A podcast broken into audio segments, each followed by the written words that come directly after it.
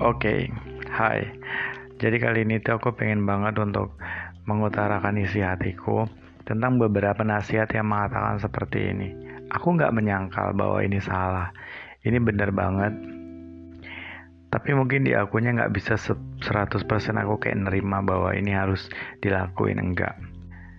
Adalah orang-orang yang mengatakan bahwa ketika kamu disakiti sama orang, ketika kamu mulai ketika kamu punya dendam sama seseorang, maka maafkanlah.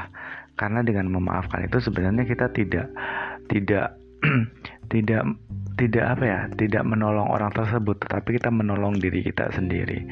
Uh, kita memaafkan orang dengan begitu kita itu bisa meringankan beban dari apa yang kita rasakan.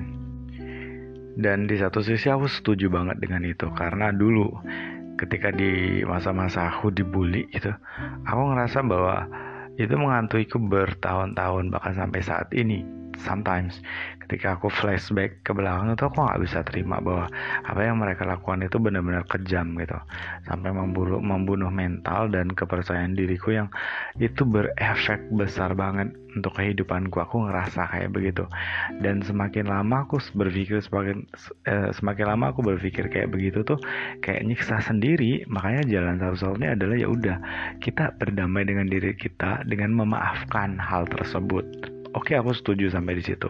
Dan ketika aku dan ketika aku bisa untuk memaafkan hal tersebut aku ngerasa memang bebanku itu hilang gitu.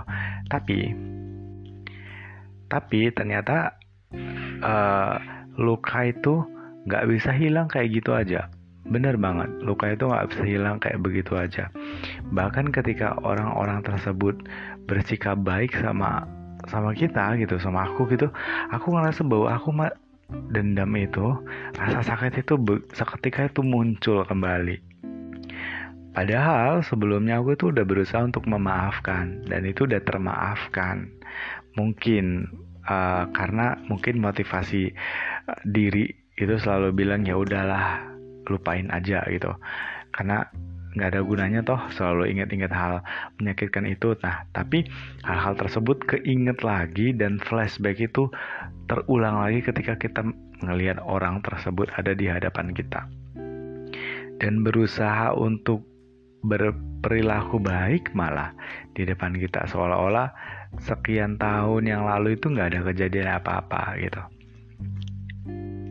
bullying apa pun, baik itu secara verbal atau non verbal, yang kita disakiti secara fisik atau non fisik, yang diteriak-teriakin atau lain sebagainya, uh, itu sama aja. Tetap efeknya itu tetap ke mental seseorang itu bakalan breakdown, bakalan hancur, dan aku ngerasain itu bener-bener kayak dulu itu pengen lari gitu bahkan pernah kayak sampai pengen ngelakuin suicide karena tahu nggak sih uh, keadaan kita pada saat itu tuh nggak enak banget rasanya.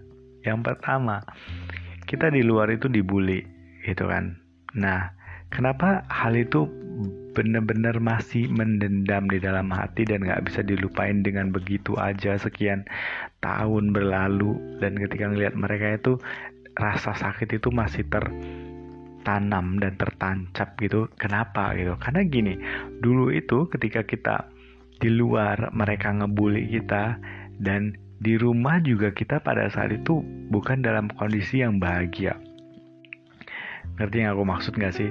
Oke, kalau misalkan dalam situasi aku punya nih keluarga yang bahagia pada saat itu dan kemudian uh, aku keluar dan kemudian aku dibully at least ketika di luar aku nggak punya kebahagiaan, aku bisa balik ke dalam keluarga aku dan aku nemuin ketenangan di situ.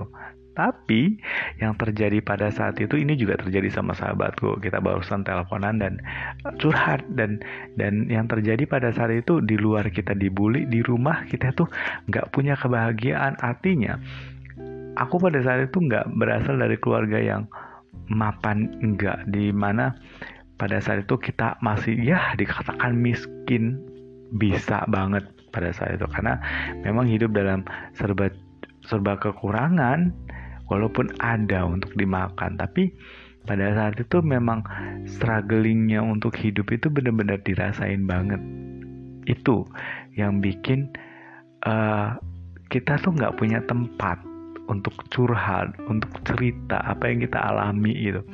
Di rumah kita tuh dituntut untuk bisa ngebantu orang tua dengan pekerjaan semua. Bahkan ketika contohnya ketika aku misalkan tidurnya agak lama itu ibuku udah marah-marah gitu udah selalu berkata bahwa aku anak yang pemalas dan lain sebagainya. Padahal menurutku pada saat itu kalau dibandingkan anak-anak kaliannya yang lainnya aku tuh udah paling rajin gitu. Bayangin anak cowok udah mau nyuci baju kemudian mau buat mak buat ya uh, untuk masak gitu ya nyuci piring nyapu rumah nyapu halaman semua itu kita lakuin pada saat SD SMP itu. Dan di saat kita agak males kita mungkin misalkan hari Minggu tuh ya kan pengen tuh ya misalkan tidur gitu sampai siangan kayak gitu kan. Dan kita itu jarang banget punya waktu-waktu yang kayak begitu gitu.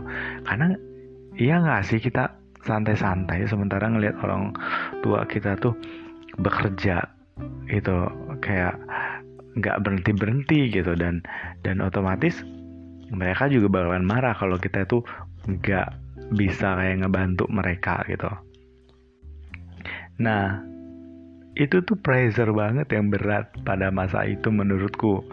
Dan uh, apa pun ceritanya pada saat itu tuh emang hidup itu keras gitu. Sehingga kita nggak punya tempat untuk jadi uh, shelter gitu untuk kita bisa curahin perasaan. Kayak di rumah juga aku nggak nemuin ketenangan di luar juga nggak nemuin ketenangan. Jadi itu hal yang buat aku merasa di titik yang terendah dan aku inget banget apa-apa kata-kata mereka, apa-apa hinaan mereka itu nggak bisa lupa. Bahkan ketika aku berusaha tegar, ya aku tegar, aku kuat.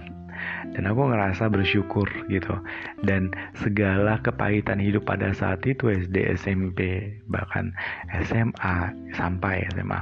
Dan dan dan itu benar-benar ngerasa di titik yang ya Tuhan aku tuh nggak sanggup loh kayak gini gitu kadang kadang sampai berpikir dosa mungkin pada saat itu ya kalau udah dipikir gitu kayak ya Allah kenapa sih aku ada di keluarga ini lahir di keluarga ini gitu? Kenapa sih aku nggak dilahirin di keluarga yang kaya gitu? Pada saat itu pikirnya kayak gitu. Pernah pernah terpikir seperti itu. Dan uh, ternyata emang kan tahap untuk mengerti sesuatu itu kan pasti ada masanya. Dan pada saat itu aku belum berpikir bahwa ada hikmah ternyata loh dari kepahitan itu nggak terpikir itu gitu.